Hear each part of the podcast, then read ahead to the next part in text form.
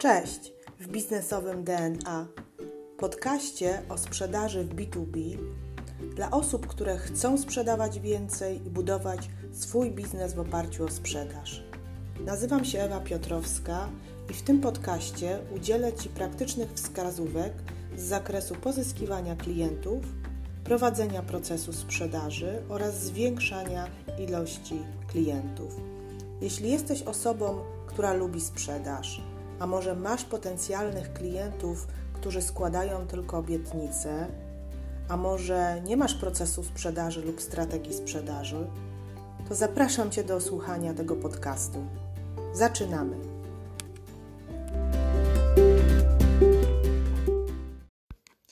Cześć, witajcie kochani w najnowszym odcinku mojego podcastu Sprzedaż B2B w praktyce. Mam nadzieję, że ostatnie trzy odcinki z gośćmi podobały się Wam. Przypomnę, że są na Spotify'u i w każdej chwili możecie je odtworzyć. Prosiliście mnie o wywiady, więc były wywiady. Był wywiad z psychologiem na temat wypalenia zawodowego, był wywiad z doradcą zawodowym na temat rozwoju ścieżki kariery zawodowej i był wywiad z trenerem sprzedaży na temat y, sprzedaży w branży fotowoltaicznej. A najbliższe odcinki planuję nagrywać sama, dlatego że chciałabym Wam opowiedzieć troszeczkę o y, sobie, to znaczy o tym, jak rozwijać ścieżkę dyrektora kierownika sprzedaży. Jeszcze takich tematów nie podejmowałam, natomiast piszecie do mnie, że chcielibyście dowiedzieć się, jaka była moja historia, jak to się stało, że zostałam dyrektorem sprzedaży, jakie były etapy rozwoju moje jako menadżera, więc w dzisiejszym odcinku podcastu będę chciała Wam opowiedzieć o tym, tak żebyście się zainspirowali i być może jesteście przed taką decyzją, żeby awansować, żeby się rozwijać, więc zachęcam Was do tego oczywiście i w takim razie zaczynamy. Ja jakiś czas temu na moim blogu www.biznesowedna.com.pl opublikowałam mm, taki artykuł Szefowa sprzedaży, taką się dokładnie nazywa Cienie i wyzwania. W tym artykule chciałam Wam pokazać, że zarządzanie zespołem, bycie dyrektorem to nie jest, są tylko same sukcesy, ale też są pewne wyzwania, z którymi ja się mierzyłam.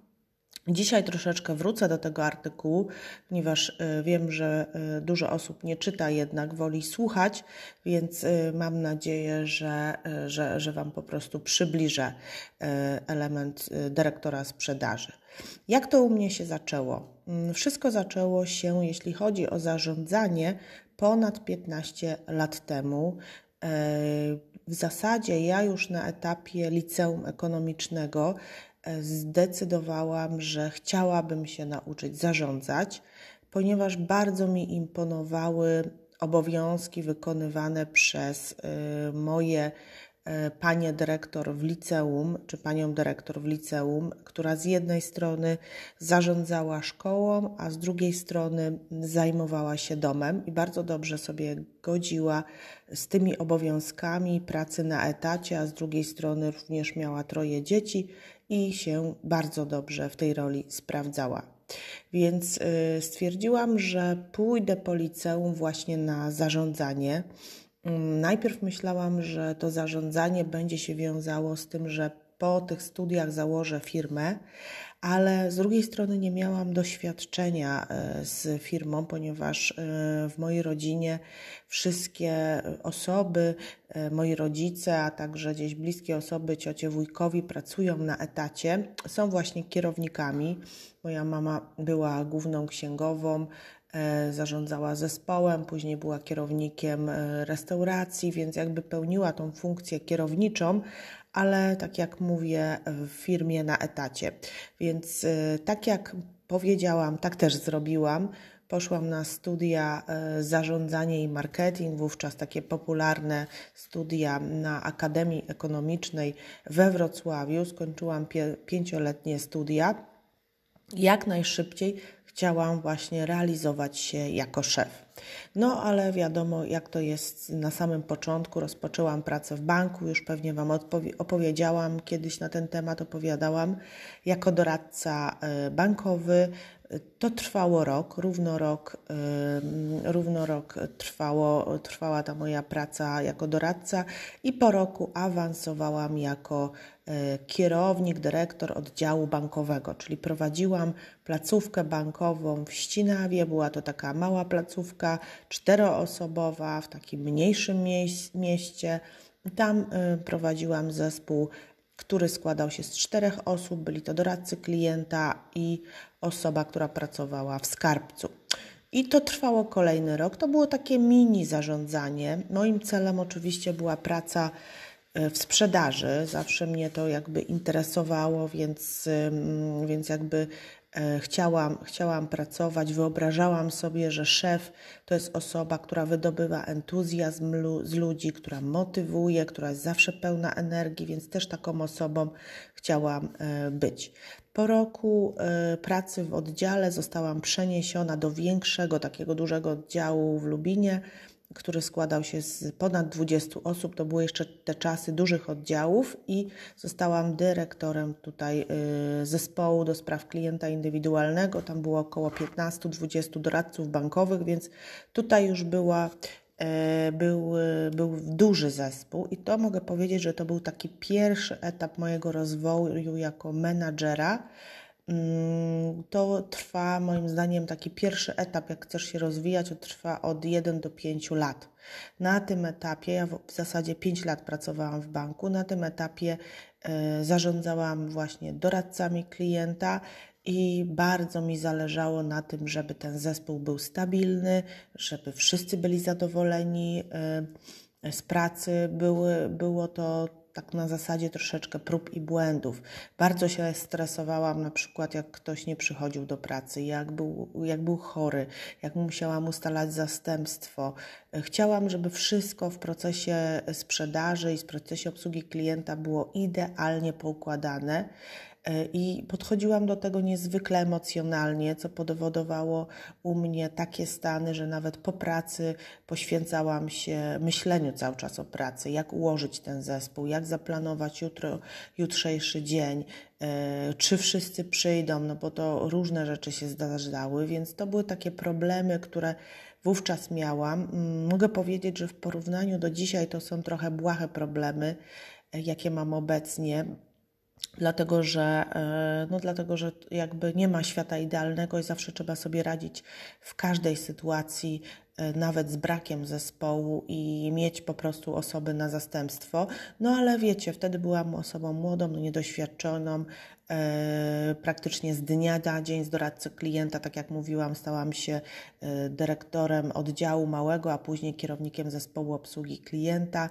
No i e, jakby kolejnym też bardzo dużym wyzwaniem dla mnie było sprostanie oczekiwaniom moim przełożonym. Wiemy, że mm, przełożony to jest Twój tak naprawdę klient, tak, że jak pracujesz na etacie, to wykonujesz polecenia przełożonego i to on powinien być zadowolony z Twojej pracy. W sprzedaży najważniejsza jest efektywność. Efektywność, czyli tak naprawdę wyniki sprzedażowe. W banku niezwykle mocno liczą się wyniki sprzedażowe e, i te działania e, muszą być coraz e, bardziej jakby rozwojowe, tak? czyli te wyniki powinny być wyższe. No i w jaki sposób, e, jak w jaki sposób zrealizować te realne wyniki, te wyniki po prostu, e, więc podzieliłam te, te cele na cele cząstkowe, tak? czyli każdemu pracownikowi przydzieliłam takie swoje własne cele, żeby jakby je realizował. Ale tak jak mówiłam, te, jakby te oczekiwania rosły to nawet nie były oczekiwania mojego szefa, tylko były oczekiwania z centrali, związane z ilością otwartych kart kredytowych, z ilością mm, rachunków bankowych, z ilością funduszy inwestycyjnych, więc jakby tu było, było bardzo dużo tych oczekiwań i e, w pewnym momencie stwierdziłam, że e, te wytyczne z centrali są bardzo, bardzo wysokie my cały czas jakby próbujemy oczywiście odnaleźć się w tej sytuacji. Nie ukrywam, że mój oddział był jednym z najlepszych w Polsce, ponieważ no, jakby wyniki są dla mnie bardzo kluczowe i stawiam na to, żeby realizować, y, realizować cele sprzedażowe, więc cały czas byliśmy na górze tej tablicy. No ale nie miałam też wpływu na tą strategię sprzedaży, nie miałam wpływu na, na te cele, tak? Nie mogłam je korygować w momencie, kiedy, y, kiedy widziałam, że jest spadek troszeczkę. Cały czas te cele się podnosiły, podnosiły. Więc po pięciu latach y, początkującego menadżera sprzedaży, Myślę, że dobrze, jeśli zaczynasz być dyrektorem, kierownikiem sprzedaży, to dobrze pracować w roli takiego kierownika zespołu, tak? Czyli masz jakiś zespół doradców bankowych, nie wiem, doradców ubezpieczeniowych, e, taki zespół w miarę stabilny i masz, że tak powiem, narzucone te cele i musisz je po prostu wykonywać. I Twoim zadaniem jest kierowanie z tym zespołem i też praca jako handlowca, sprzedawcy, bo ja też pracowałam normalnie, że tak powiem, na ladzie, ale wtedy też możesz się nauczyć tej organizacji, więc to jest dobrze pierwszy etap. Po pięciu latach, tak jak wspomniałam, już miałam duże doświadczenie sprzedażowe, miałam intuicję rozwoju biznesu i ten zmysł. E, przede wszystkim jestem zaangażowana i mam determinację i stwierdziłam, że chcę zostać dyrektorem sprzedaży, chcę wziąć większą odpowiedzialność za swój zakres, ale też chcę więcej zarabiać. Więc mm, po pięciu latach przeniosłam się do firmy informatycznej, I tutaj było, było to bardzo duże wyzwanie, dlatego że w ogóle zmieniłam branżę. Tak? Z branży bankowej przeniosłam się do branży informatycznej. Dostałam propozycję pracy w firmie IT z możliwością budowy i przeorganizowania całego zespołu sprzedażowego, ponieważ to był zespół, który sprzedawał do wewnątrz y, grupy kapitałowej, mm, a naszym celem było y, otwarcie się na nowe rynki, pozyskiwanie nowych klientów, więc tutaj y, miałam być odpowiedzialna właśnie za nowe rynki za całą Polskę, ale ten zespół sprzedaży, który tam istniał, on y, sprzedawał, tak jak mówiłam, do wewnątrz, więc tutaj musiałam całkowicie e, przeorganizować ten zespół i zbudować. Więc tutaj popatrzcie, już dość jako doświadczony menadżer możesz mieć troszeczkę bardziej skomplikowane obowiązki, tak? Czyli jakby nie pracuję tylko na grupie doradców klienta, na grupie podobnych specjalistów, ale musiałam utworzyć marketing, tak? Czyli specjalistę do spraw marketingu, e, osobę, która będzie się zajmowała jakby tak jakby marketingiem online'owym, czyli jakby pozyskiwała nam lidy za pomocą, za pomocą marketingu online. Musiałam znaleźć osobę, która będzie dzwoniła, czyli taką osobę do telemarketingu, która nam będzie będzie pozyskiwała te lidy, ponieważ to były systemy IT, więc, e, więc, jakby, e, więc jakby tutaj musieliśmy umawiać klientów na spotkanie. Musiałam pozyskać handlowców, ale o różnych kompetencjach, bo również w moim zespole był pre-sales, która, czyli osoba taka bardziej merytoryczna, która robiła prezentację, był handlowiec, który faktycznie się specjalizował w systemach ERP, ale też miałam innego handlowca, który się specjalizował w sprzęcie informatycznym, więc te kompetencje różne były i właśnie najważniejsza rzecz, przed którą stanęłam, to jest rekrutacja, dlatego o tym wspomniałam. Popełniłam wiele wtedy błędów i zwracam Wam dzisiaj na nie uwagę, czyli z, z CV, z rozmowy wydawał się, że jest świetny, wydawała się osoba, że jest świetna, a później okazało się, że są same problemy. Czyli rekrutacja i odpowiedni, długi proces przeprowadzenia tej rekrutacji, wieloetopowe, ja Wam mówiłam już o rekrutacji jako, jako, jako jeden z odcinków, jest bardzo, bardzo istotna. Drugim ważnym elementem jest wdrożenie tego pracownika do firmy, czyli te pierwsze trzy miesiące, kiedy pracownik ma wejść, kiedy pracownik ma się wdrożyć, ma się nauczyć e, wszystkiego, jest bardzo, bardzo istotnym elementem mm, tak naprawdę jakby dalszego sukcesu. I tutaj e, taka osoba powinna chodzić za kimś krok w krok i patrzeć się, jak ta druga osoba wykonuje zadania. No w moim przypadku było to bardzo trudne ze względu na to, że tak jak wspomniałam, to był zespół taki budujący się, więc nie było nikogo. Wszystkie osoby chodziły za mną, ale wszystkiego uczyliśmy się od początku, budowaliśmy budowaliśmy wszystko od początku. No moim błędem kolejnym, którym chcę też się z Wami podzielić, było to, że ja bardzo dużo pracowałam, po nocach pracowałam.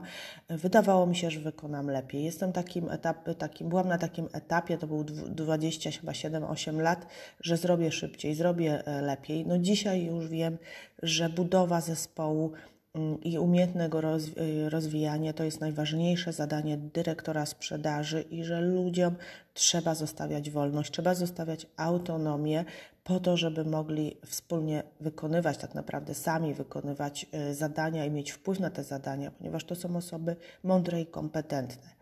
Mm, elementem kluczowym, już jak mamy zbudowany zespół, są szkolenia rozwojowe, a także obserwacja współpracowników i dostosowanie się do ich potrzeb. Mm, to jest bardzo istotne, to już jest na etapie po tych pierwszych trzech miesiącach i tu w zasadzie ta współpraca powinna być bardzo, bardzo bliska. Dlaczego o tym mówię? Dlatego o tym mówię, że jak dzisiaj podchodzę do sprzedaży, co jest, co dzisiaj jest kluczowe w zarządzaniu. Przede wszystkim według mnie kluczowe jest liderstwo w sprzedaży. Liderstwo w sprzedaży, czyli inaczej włączanie pracowników, czy włączanie pracowników w tak naprawdę zarządzanie, w wykonywanie zadań takich bardzo kreatywnych, ale zanim to liderstwo nastąpi, to musiałam sobie odpowiedzieć na pytanie, kim jest dla mnie zespół sprzedażowy, czego chcę ich nauczyć, czego od nich oczekuję. To są trzy takie podstawowe pytania, które zadawałam, yy, które sobie po prostu zadawałam, czego od nich oczekuję, bo jak sobie zadam to pytanie, to tak naprawdę będę wiedziała, co im deleguję, jaką odpowiedzialność i za co te osoby odpowiadają. Co jest dla mnie dzisiaj kluczowe? Nie ilość, a jakość. Oczywiście to zależy, w jakiej branży pracujesz.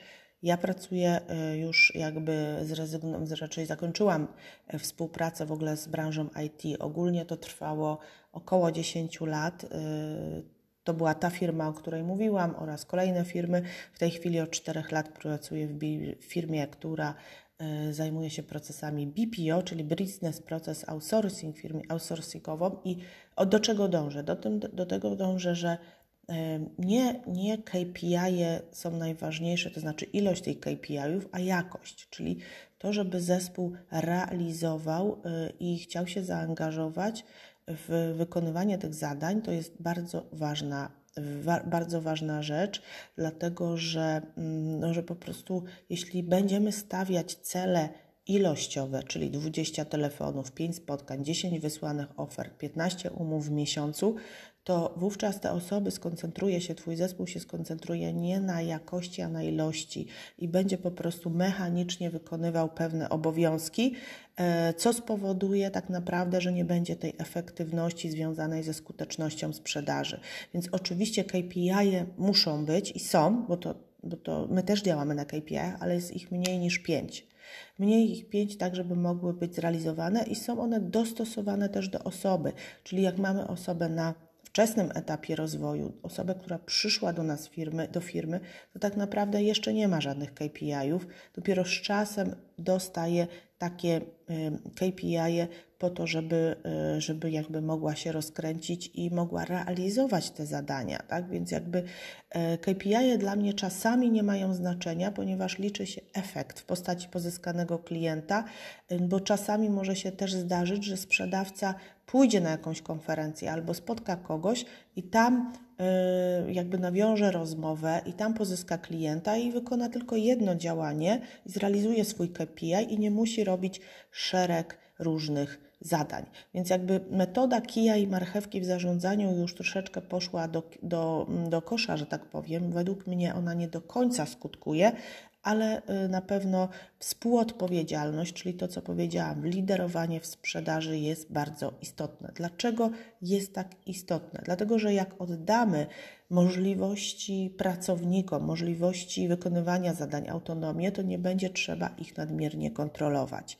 E, wówczas, jeśli ich nie kontrolują, oni chętnie się słuchają i chętnie mają coś do powiedzenia, są gotowi na podejmowanie wyzwań, są otwarci po prostu, tak? No bo jak my się otworzymy, damy im swobodę, to również druga strona jest otwarta, więc zachęcam do takich otwartych rozmów raz w tygodniu, narada handlowa, bardzo polecam. Unikają wymówek, unikają trudności, dlatego że to tak naprawdę nie ty narzucasz im te zadania, tylko oni przyjmują te zadania i realizują. Nie generują problemów, tylko y, będą generować rozwiązania, ponieważ jeśli będziesz im dawał te zadania, będziecie razem współuczestniczyć, no to wtedy oni generują bardziej, są nastawieni na na, na, na, na rozwiązania, przepraszam, i na pewno, co ważne, będą doceniać Twoje wysiłki, Cię szanować za to, że Ty ich po prostu szan, szanujesz. Więc jakby e, podsumowując, no szef pyta o zdanie, konsultuje, wdraża nowe rozwiązania, najlepsze dla organizacji. E, ludzi, ludzie, ludzi powinno się mm, słuchać i tak naprawdę y, jakby uwzględniać ich informację zwrotną, tak? Czyli my na przykład planujemy niedługo takie spotkanie, y, na którym będziemy, spotkanie pomysłów, czy spotkanie właśnie narada handlowa, na którym będziemy sobie jakby przekazywać pomysły związane z źródłami, możliwościami pozyskania klienta. I, I, tutaj każdy może wnieść pomysł. Nie ma, nie ma, nie ma osoby, nie, ja nie jestem osobą, która wszystko wie. Tak, ja oczywiście mam jakieś pomysły i już je, że tak powiem, wdrażamy, ale w pewnym momencie sytuacja rynkowa się zmienia, tak jak teraz mamy w trakcie pandemii, i my musimy na bieżąco się ze sobą komunikować i tak naprawdę wdrażać pomysły i wdrażać odpowiednie rozwiązania, szczególnie w trakcie pandemii i szczególnie w zarządzaniu zdalnym. O tym też zrobię Wam odcinek o zarządzaniu zdalnym i w ogóle o sprzedaży zdalnej, bo to jest jeden z, moc z mocniejszych moich punktów, w ogóle mój ulubiony temat, więc chętnie się opowiem. Y, kontynuując temat związany właśnie z tym liderstwem sprzedaży, ja bardzo mocno stawiam na talenty. Nawet niedługo będziemy mieć, y, czyli tak naprawdę na testy osobowości. Ja już o tym wielokrotnie mówiłam, zapraszałam gości, chyba w jakimś odcinku też o tym mówiłam, że sama y, mam, robię sobie i cały czas odnawiam testy talentów, testy Diska, testy Frisa, tak? To są różne, różne testy, około pięciu takich testów mam i to mi bardzo pomaga, żeby poznać siebie, żeby znać swoje mocne strony i tak naprawdę, żeby, mm, żeby po prostu jakby też lepiej zarządzać, tak? Y, na Instagramie jakiś czas temu publikowałam y, moje mocne strony, moje talenty, pięć głównych talentów Galupa, więc jeśli chcecie się dowiedzieć, jakie są moje mocne strony, to zachęcam, możecie sobie na mój Instagram wejść i tam jest udostępnione na tablicy pięć głównych takich talentów, pięć kluczowych takich talentów. Jeśli chcecie, żebym Wam o tym opowiedziała, to powiedzcie jak najbardziej. Dlaczego talenty są istotne? Dlatego są istotne, bo może się okazać, że wcale Twój handlowiec, czy wcale Ty możesz nie pasować do pewnych zadań. Dlatego, że po prostu y, no, nie czujesz się komfortowo może w dzwonieniu do nowych klientów. Mam takiego handlowca, nie ukrywam, Y, i, i bardzo dobrze się czujesz w rozmowie z klientem, czyli już jak rozmawia z klientem, prowadzi prezentację, ale niekoniecznie jak zaczyna rozmowę, ponieważ zaczynanie rozmowy to jest pewna umiejętność generowania potrzeby, pewna umiejętność zachęcenia tego klienta. Mamy kilka minut, jak ja to mówię, wizyty w windzie y, z prezesem i jak go tutaj zachęcić na spotkanie. Więc talenty pomagają Ci y, nie wsadzać handlowców do jednej szufladki, tylko im dawać zadania adekwatne do nich. Czyli może ktoś chce wspierać Cię marketingowo, może ktoś chce mm, opiekować się obecnymi klientami. I tutaj zachęcam do, tak jak wspomniałam, do modelu DISKA, który dostarcza y, praktycznego planu działania i poprawia te działania. Jest to taka, jakbym powiedziała, mapa drogowa, która pokazuje, jak iść według takich czterech według takich czterech e, stylów, tak bym powiedziała, tak? czyli styl dominujący, styl, styl taki bym powiedziała relacyjny, styl e, żółty bym powiedziała i styl zielony. Może wyjaśnię według mnie, co oznacza każdy kolor. Może zacznę od stylu zielonego. Jest to osoba zazwyczaj spokojna, której zależy bardzo na dobrej opinii klienta. Yy, bardzo przykro takiej osobie, że klient musi zapłacić jakieś pieniądze. No ona wie, że jest w sprzedaży, że musi sprzedawać, ale z drugiej strony też chce dla tego klienta jak najlepiej, więc może bardzo źle się to źle czuć, jak już przyjdzie do zawarcia umowy, jak już przyjdzie do wpłacenia pieniędzy, więc tutaj trzeba nad taką osobą dosyć mocno pracować, żeby ona y, wiedziała, że jej praca polega oczywiście na budowaniu relacji z klientem, na pomocy klientowi, ale też no, jakby za tą pomoc oczekujemy jakichś pieniędzy. Kolor niebieski. Kolor niebieski to jest kolor taki analityczny. To jest osoba, która bardzo dokładnie na pewno będzie znała wszystkie dokumenty, wszystkie oferty, wszystkie zagadnienia, wszystko, co się dzieje u klienta. Zna bardzo dobrze cyfry, wielkość klienta, obroty klienta, yy, jakby szczegółowe problemy klienta, tak? Zrobi szczegółową analizę i będzie tak analizowała, analizowała. Może się że okazać, że nie przejdzie całego procesu sprzedaży, bo się skupi na tej analizie, więc na pewno potrzebuje wsparcia tutaj w zakresie e, ciągnięcia czy też kontynuowania tego procesu handlowego. Kolor czerwony, kolor czerwony, kolor dominujący, osoba, która podejmuje decyzje, lubi, inicjuje projekty, jest osobą, która stawia na strategię, rozpoczyna często nowe zadania, projekty, więc na kolor czerwony dajemy handlowca pitbulla tak zwanego, czyli osoba, która lubi otwierać drzwi, która lubi nowe projekty, inicjatywy, lubi coś zaczynać, więc, e, więc tutaj zachęcam bardzo mocno do poszukania takiej osoby. I kolor żółty, osoba, która pracuje z ludźmi, buduje relacje, jest, e, lubi być po prostu jakby potrzebna dla ludzi, więc mm, więc jakby bardziej działa na intuicji, bardziej działa na uczuciu, a mniej na myśleniu, E, i tu na pewno potrzebuje takiego analityka, który będzie ją wspierał. Więc jakby to jest tylko jeden z rodzajów testów, które warto zrobić swojemu zespołowi i warto przejść. Tak jak wspomniałam, testy DISKA wspierają e, na pewno budowę zespołu sprzedażowego i proponuję również Ci zrobić testy Galupa.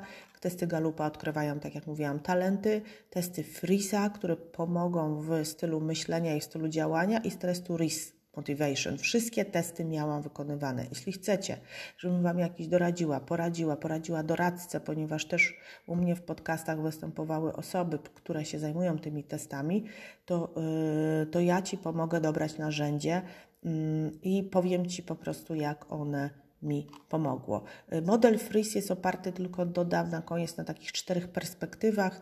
Perspektywie faktów, relacji, idei, struktury, więc jakby tutaj bada takie najważniejsze, y, najważniejsze jakby działania, czy też bym powiedziała style myślenia, tak? czyli z jakim stylem się my urodzimy, coś, jakie doświadczenia przeszliśmy, jakie mamy wartości, jakie mamy preferencje i na tej podstawie Mm, jakby dobiera nam odpowiedni styl, e, styl działania i styl myślenia.